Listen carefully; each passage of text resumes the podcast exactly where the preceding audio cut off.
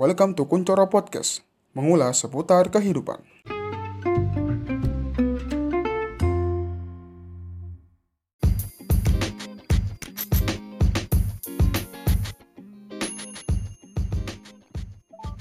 Assalamualaikum.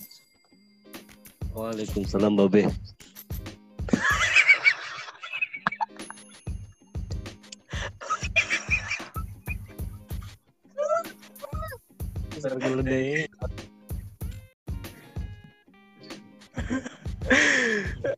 Kenapa ngomongin gue babi, boy? Hmm, Gini, gue ke sini bukan nyuruh-nyuruh lu sholat, nyuruh ngaji, bukan mau belu. Babe, babe nih. Eh, gini, jadi kita bakal ngobrol-ngobrol tentang eh masalah-masalah yang ada di dunia ini ya, termasuk politik di Timur Tengah yang kembali memanas di salah satu negara. Negaranya namanya Tunisia. Jadi Tunisia ini sekarang sedang mengalami apa ya? Otoritarias, otoritarias, atau apa ya?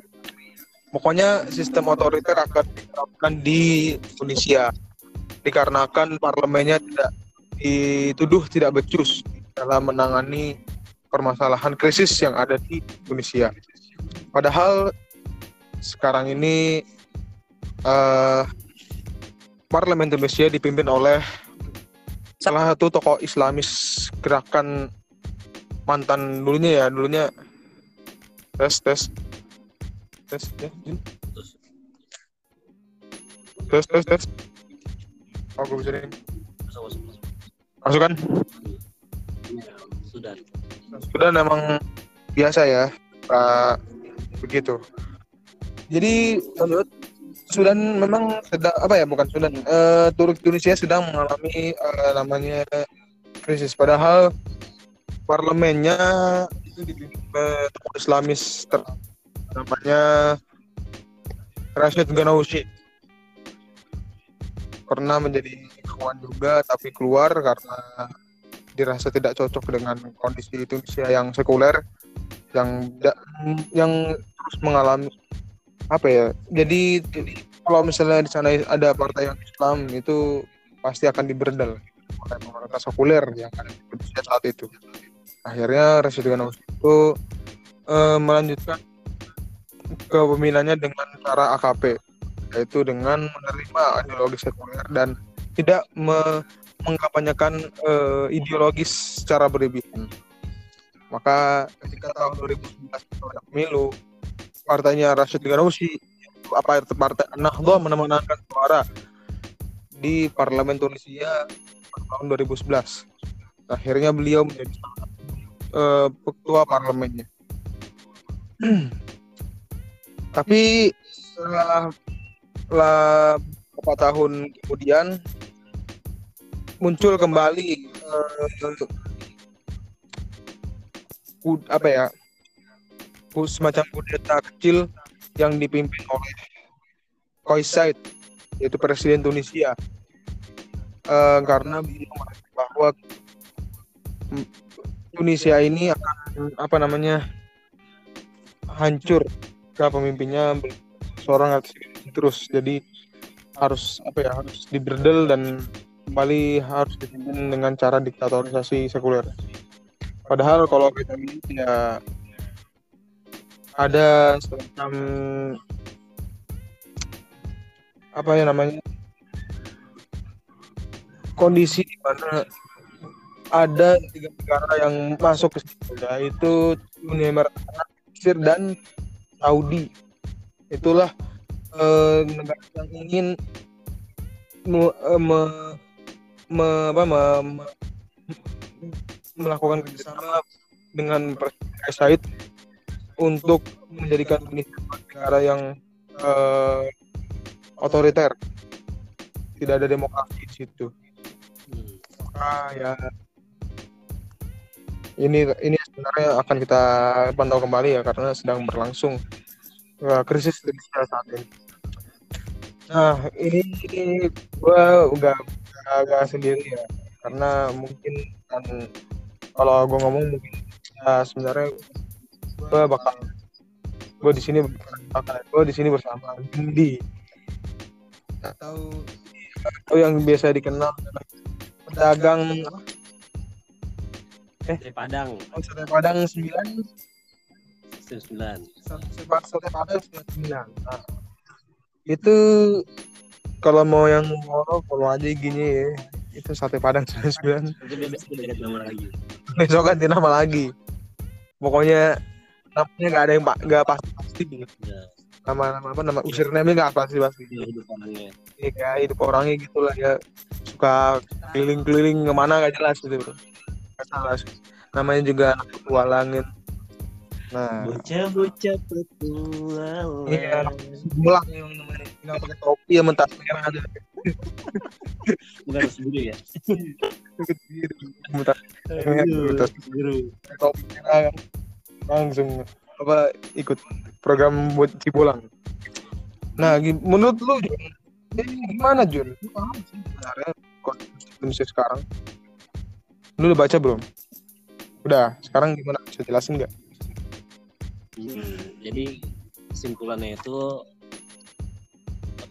presiden di mana memaksakan terhadap eh, perd- eh, apa namanya parlemennya ya.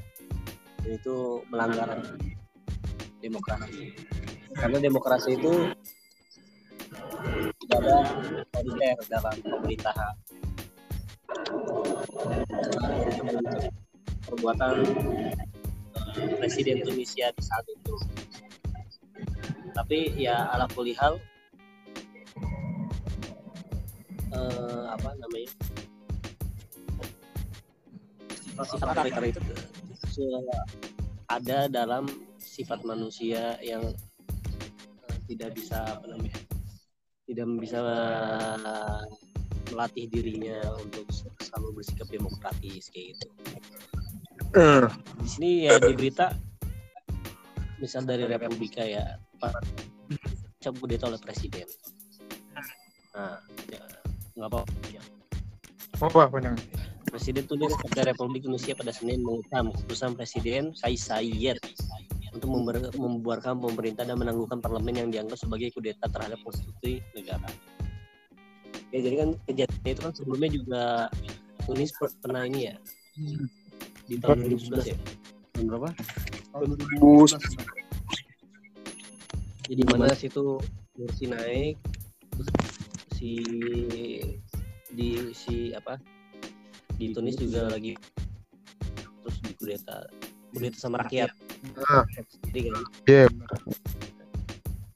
itu maksudnya serempak gitu punya rasa eh, ada pemerintah diktator tuh bisa bisa memperbaiki lanjut Hmm. Pada 25 7 Sayed menggulingkan pemerintah Perdana Menteri Hichem Mechi Medici serta membe- membentukkan parlemen dan mengambil alih otoritas eksekutif dan per- bantuan Perdana Menteri Hmm. baru. Kami menolak keputusan ini yang merupakan kudeta yang jelas terhadap dan kembali ke kekuasaan satu orang yang mutlak, kata partai itu dalam sebuah pernyataan. Hmm. Partai tersebut meminta Presiden Indonesia untuk mencabut keputusannya serta mematuhi legimi- legitimasi dan mencari solusi untuk krisis negara dalam mekanisme demokrasi dan konstitusi. Oke. Hmm. Gimana? Dan coba jelasin, coba jelasin kesimpulan dari apa yang dijelaskan Republika. Hah? Jelasin coba yang dari Republika. Ya, dalam pidatonya Ahad, Presiden Tunisia mengatakan dia akan meneguhkan kekebalan seluruh anggota parlemen dan mengambil alih kantor kejaksaan. Presiden juga mempersilahkan tentara turun ke jalanan di ibu kota setelah berkonsultasi dengan Perdana Menteri Tunisia Hichem dan Ketua Parlemen Aceh Ganochi. Berarti apa namanya? eh ada apa? Apa masalahnya lupa Jin? Tadi nggak fokus. Hah? Tadi nggak fokus sorry. Ganochi yang juga menggambarkan putusan Sayed sebagai kudeta Maksudnya, kita nggak tahu ya masalah di Tunisia itu apa kita tahu ya? Eh ya jadi sebenarnya gini. Kesimpulannya kesimpulannya kalau misalnya kita lihat ya, eh, banyak yang bilang bahwa kudeta itu sangat bersyarat politik yang jahat ya.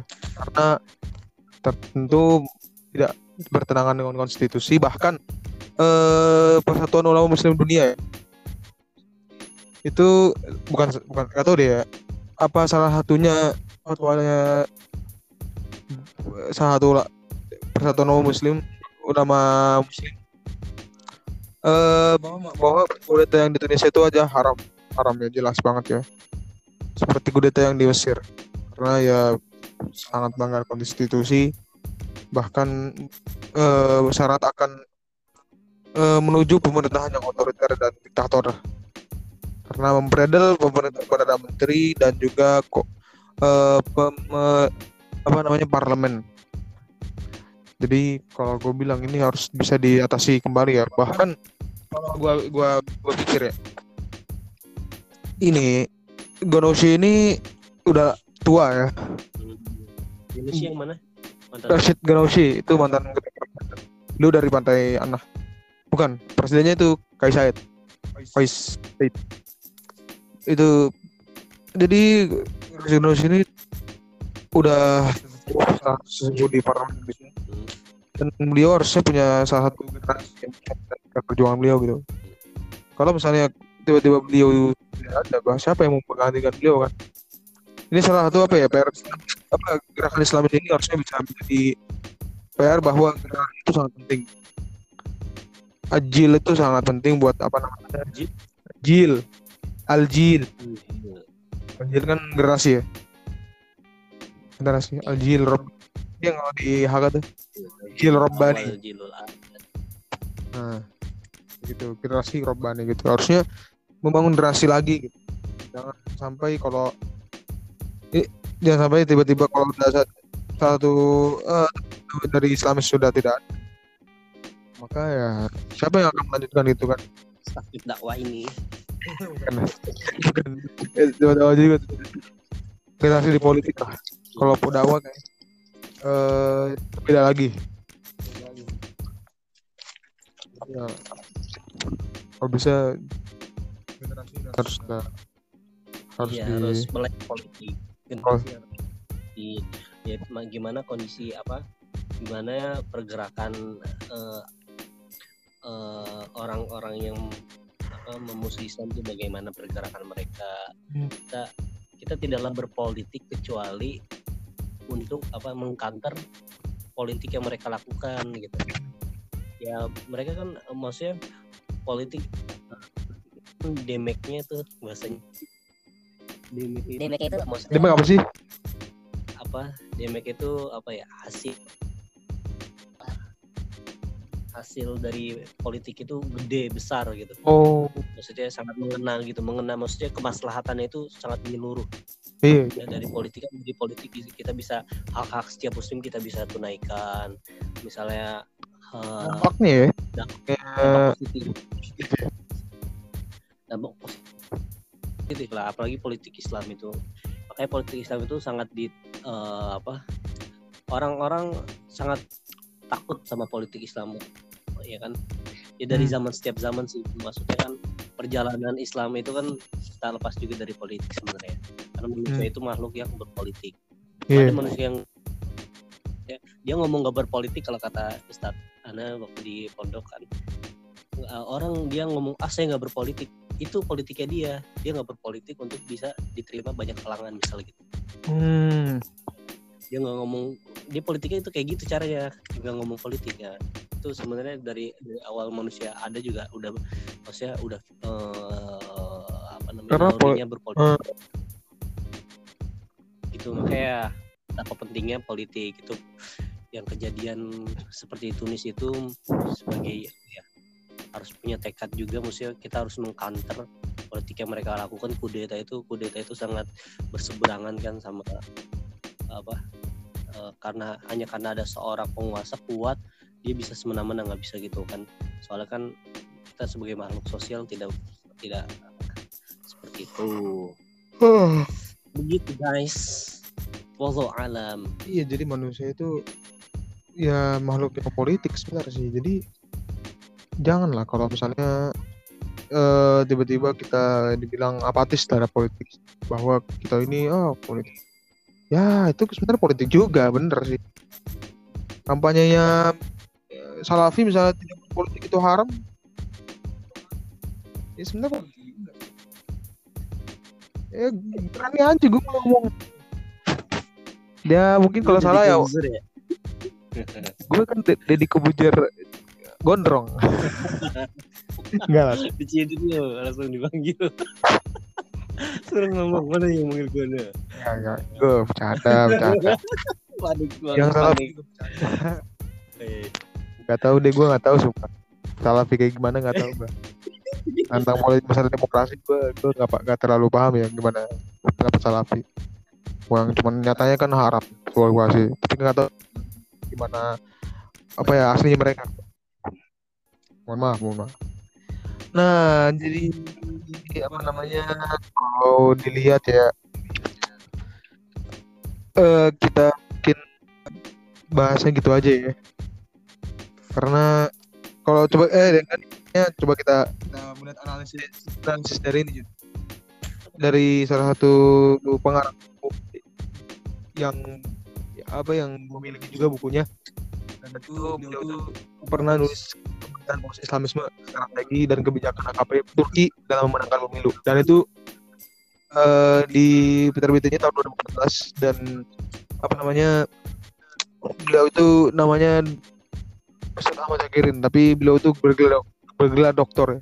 Karena doktor. doktoral beliau di Singapura ya kalau nggak salah. Nah itu ada ada, ada apa namanya ada FB-nya dan di FB-nya itu aktif beliau ya. Beliau itu di FB-nya itu nulis-nulis tentang analisa beliau tentang apa namanya kayak di sini ada bangkitnya kelas bangkir di Eropa dan pengendalian dunia Islam.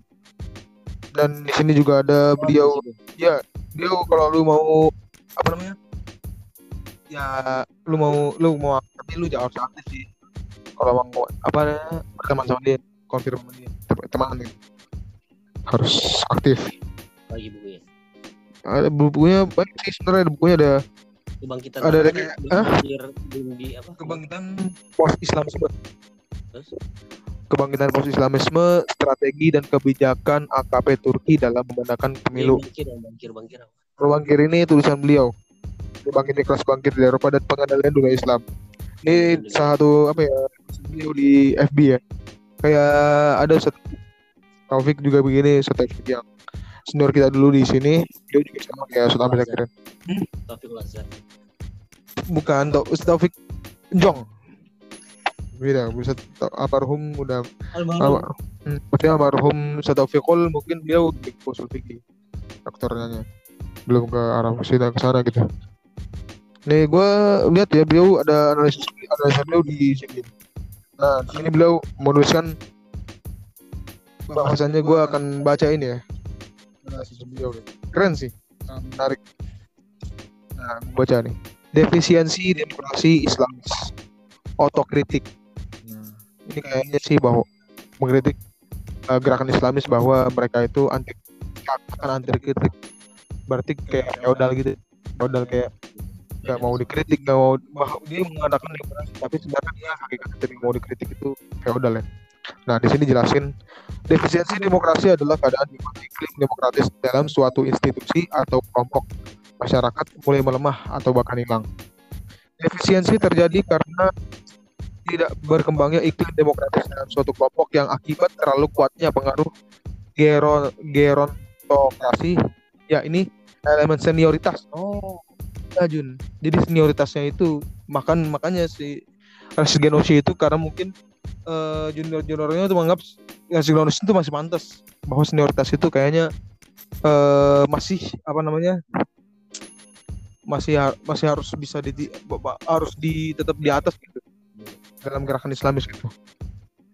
Dalam banyak hal, faktor ini menghalangi terciptanya iklim dan relasi sosial yang demokratis dan secara generik dan batasi akses bagi tumbuhnya kepemimpinan yang lebih jenu genuine ya oh, namanya politis kayaknya sih. Terbuka dan berakar. Beberapa hari sebelum kudeta konstitusional. Dikata sope Spell ya tadi. Ber- lanjut. Beberapa hari sebelum kudeta konstitusional Ted Kais dalam tanda kutip ya kudeta konstitusional menurut satu presiden ini. Presiden Indonesia ini mengatakan saya sebenarnya menulis kritik kepada Rashid Ghannouchi ketua Nahdlatul namun di tengah perkembangan politik Indonesia eh bukan beliau sih yang ngotot tapi eh, Dr. Ahmad Saikat menulis bahwasanya dia ingin sebenarnya menulis kritik kepada seorang Rashid Ghannouchi. Rashid Ghannouchi adalah salah satu pendiri An-Nahdlatul gerakan Islamis yang sangat terinspirasi Ikhwan Muslimin karena pandangannya tentang kompatibilitas Islam dengan demokrasi. Rashid di- ditabalkan sebagai seorang demokrat dalam Islamis, sama seperti Erdogan. Gak jauh beda. Jadi orang Islamis dalam tubuh seorang demokrat. Rashid menjadi figur penting dan berkontribusi dalam transformasi demokrasi di Indonesia pasca Arab Spring di tahun 2011 tuh. Arab Spring dia salah satu figur penting yang menjadi kontributor dalam transformasi demokrasi di Indonesia. Rashid tidak hanya mendukung konsep multi partai, namun dalam praktik politiknya juga berkoalisi power sharing dengan partai-partai sekuler. Kayak Erdogan berarti kan. Waktu Erdogan kan tidak mengampanyakan eh, Islamis dalam tapi dia ingin apa namanya partai itu semuanya harus bisa bekerja sama walaupun berbeda dengan namanya, ideologi. Namun seiring Rashid secara nasional, Imam An-Nahdlatul justru mengungkapkan kelemahannya secara institusional. Terlampau kuatnya sosok Rashid dan tidak adanya figur ya. Ini sebenarnya seperti kayak ini zamannya eh, Profesor Najmuddin Erbakan hmm. beliau itu terlalu kuat bahkan akhirnya Erdogan pun apa ya mungkin ada tubuh demokrasi tapi tidak bisa bahwa beliau itu tidak tidak mau me, ya, merubah sikap politiknya. Nah, akhirnya Erdogan keluar. Ini nih. Kayak gini kayak sosok Rashid ini. Eh, eh, nah. Terlampau kuatnya sosok Rashid dan tidak setelahnya setelah mendorong partai ini revisi piagamnya yang membatasi kekuasaan ketua partai untuk dua periode ya sama itu kayak kayak Profesor Dr. Nelson Air bahkan setelah transformasi demokrasi menetap- menetapkan kepemimpinan puncak dalam tubuh An-Nahdlatul hanya dibatasi dua kali. Langkah yang merepresentasikan semangat demokrasi dan dukungan atas pada generasi kepemimpinan. Ini artinya revisi akan mendorong menjadi pemimpin An-Nahdlatul tidak hanya tiga kali namun hanya empat nah, ini gimana ya? Setelah transformasi demokrasi An-Nahdlatul Oh iya. Ini ba- nggak bagus ini demokrasi ini. Masa cuman dibatasi dua kali. Tapi ini kan jadi akhirnya dua kali ya jadi kayak presiden di Indo Iya. dua kali jabatan dua kali periode ini sebenarnya apa ya maksudnya? Kok setelah transformasi demokrasi Allah menetapkan kepemimpinan puncak dalam tubuh anak toh hanya dibatasi dua kali.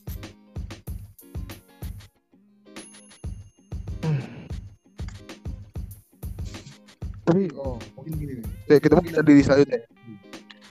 Eh ini artinya revisi akan mendorong Rashid menjadi pemimpin anak Allah tidak hanya tidak hanya tiga kali namun empat kali karena dalam praktiknya Rashid telah memimpin Nahdlatul sejak 1992.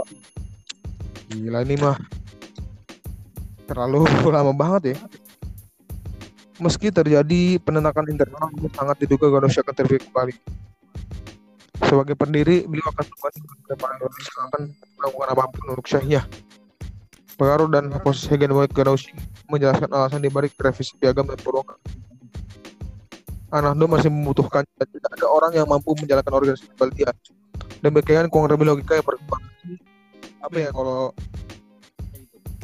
di Indonesia ini kalau gue bilang bahwa feodalisme itu kuat banget di tubuh siapa Bu Anahdo ini ya Gimana? karena iya karena? Bu Anahdo Ada tuh. feodal tuh ya Itu yang yang sekarang presiden ya. Hmm. Oh. kan yang Senioritas. bukan di parlemen. parlemen Parlemen. Partainya PKS di beda. federalisme yang, yang ini kan Sio- senioritas Sudah masuk senioritas apa namanya? Eh terlalu kuat hmm. tapi tapi ya terlalu kuat orangnya tapi sa- seakan-akan dia nggak ada salah seakan-akan dia harus mimpin karena yang nggak ada orang nggak ada salah maka dia harus pendukungnya kayak mendukung gitu. Mendukung bahwa katanya kan bahwa ini untuk memimpin dalam tradisi demokrasi kayak gitu Hmm. Ya, kan kita generasi ketokohan iya jadi walaupun apa namanya. Ketokohan. Ya, misalnya di bahwasanya kita harus kepada mengajarkan kepada pemimpin ini. Walaupun ini kita harusnya dari bawah tuh bilang oh ini bukan demokrasi bukan sistem yang demokratis kalau kita masih tetap mengatakan dia menjadi pemimpin kita harus degradasi gitu. Itu bawah. itu namanya demokratisasi adalah apa ya, proses demokratisasi gitu. Harus ada degradasi itu yang yang paling pentingnya. Nah nanti itu aja anak lo masih bentukannya dan tidak ada orang yang mampu menjalankan bahaya yang akan menjadi apa ya disregenerasi kuatnya sumber daya dan da- dan reaksi eksternal diduga akan membantu mampu meredam per- per- pertentangan internal. Meskipun beberapa figur dalam tubuh anak loh telah menu- mengundurkan diri sebagai protes. Apa yang terjadi? Anak anak meninggalkan kita. Kembali dinamika dua dekade lebih nah ini nih. Peristiwa sama yang eh yang pernah terjadi di pada partai Fizlat Hmm.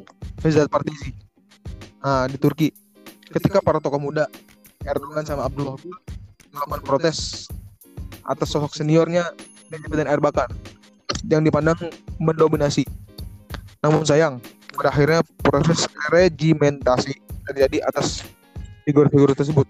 Apa Regimentasi apa, Jun? Hmm? Regimentasi apa? Paham nggak? sebelumnya apa Itu jadi proses regimentasi itu apa ya maksudnya? Itu- Sebelum itu itu bahwa uh, Nahdlatul Ulama.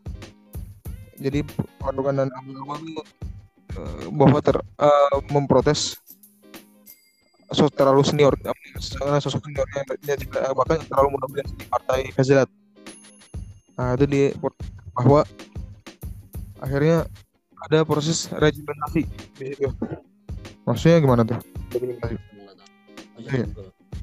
Ini terlalu tinggi juga sih. Beliau kan karena dokter bahasanya tinggi juga. Nih nah pertanyaannya mengapa devi- defisiensi demokrasi itu terjadi? Mungkin secara sederhana karena kecenderungan tidak tumbuhnya iklim dan lingkungan demokratis Allah alam. Hmm. Menurut lu, Din? apakah mungkin karena Islamis ini terlalu apa ya? Terlalu menokoh seakan-akan generasi selanjutnya itu tidak pantas memimpin. Yang memimpin adalah seperti terus gitu. Selama dia masih hidup. Nah itu menurut lu pikiran itu? Apakah itu akan menghancurkan demokrasi atau apa namanya eh, walaupun sosoknya tetap ada tapi demokrasi demokrasi tetap ada. Menurut lu gimana? Ya. Memang suci Allah ya yang menjadikan Al-Quran itu sempurna sedangkan makhluknya itu tidak tidak ada apa Islam itu sempurna namun makhluknya itu tidak justru kita uh, menjadi sempurna karena keislaman seseorang dan nilai akhir tuh maksudnya Islam udah sempurna udah udah apa udah deal kan kita Hmm. sepakat Hmm. setiap manusia itu kan memang maksudnya ada ada ada segala macam makanya emang harus dibutuhkan apa namanya Hmm. namanya kritik bukan kritik sih apa namanya saran Hmm. dari bawah segala macam dan eh iya maksudnya ya namanya manusia perlu namanya re- regenerasi kan karena Hmm. semua bergilir berganti ini eh, apa Allah jadikan pemimpin setiap zaman benar benar benar harus ada regenerasi. Ya perlu itu. Iya.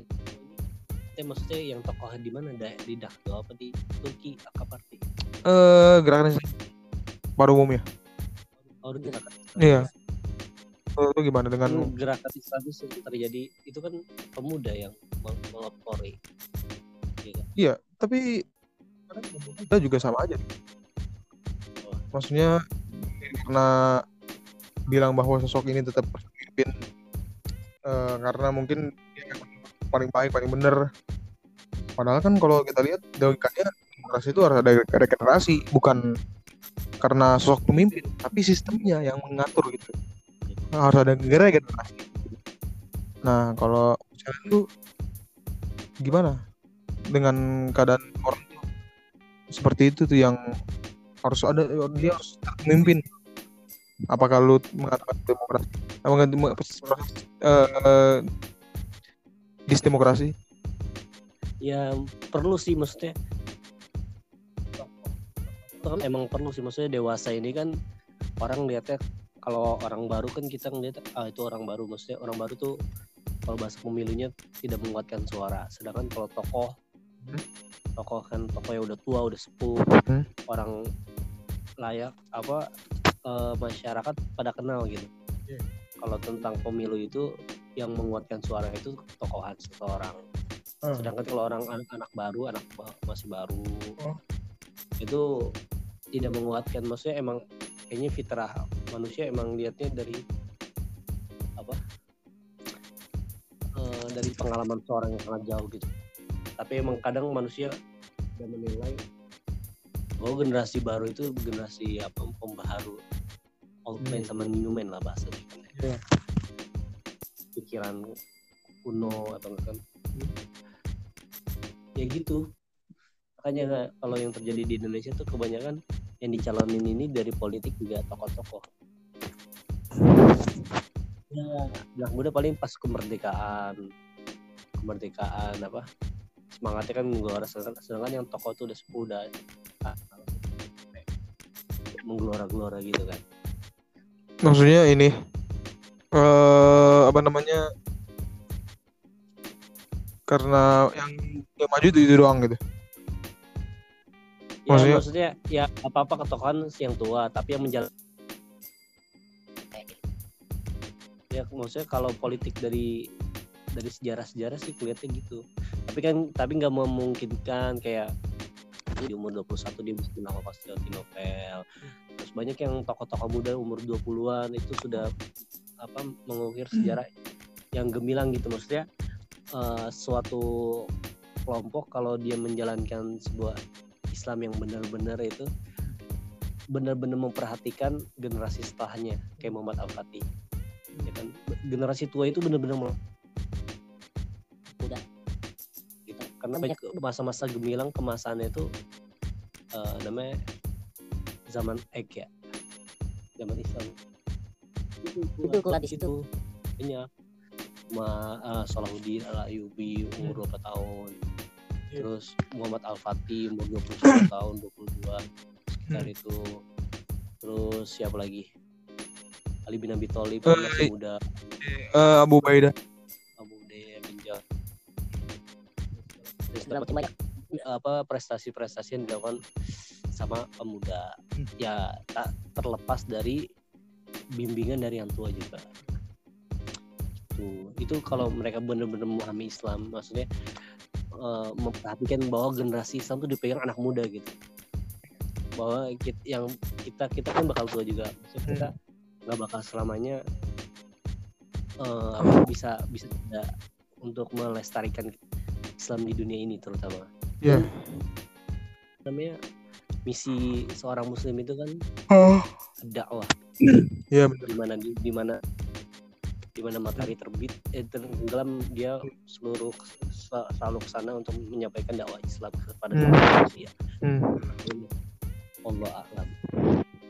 Jadi memang berarti ya regenerasi maksudnya kita tetap ada orang tua yang membimbing tapi yang menjalankan sistemnya anak muda begitu Iya, ya maksudnya eh, anak muda tanpa orang tua itu maksudnya dia berani tanpa ada pengalaman dari yang tua. Hmm. Ya, yang tua banyak pengalaman tanpa ada kekuatan dari yang muda itu sama saya nol nilai gitu. Jadi Iya. kalau ingin apa menguatkan mengeratkan insya Allah maksudnya Islam itu akan kokoh gitu.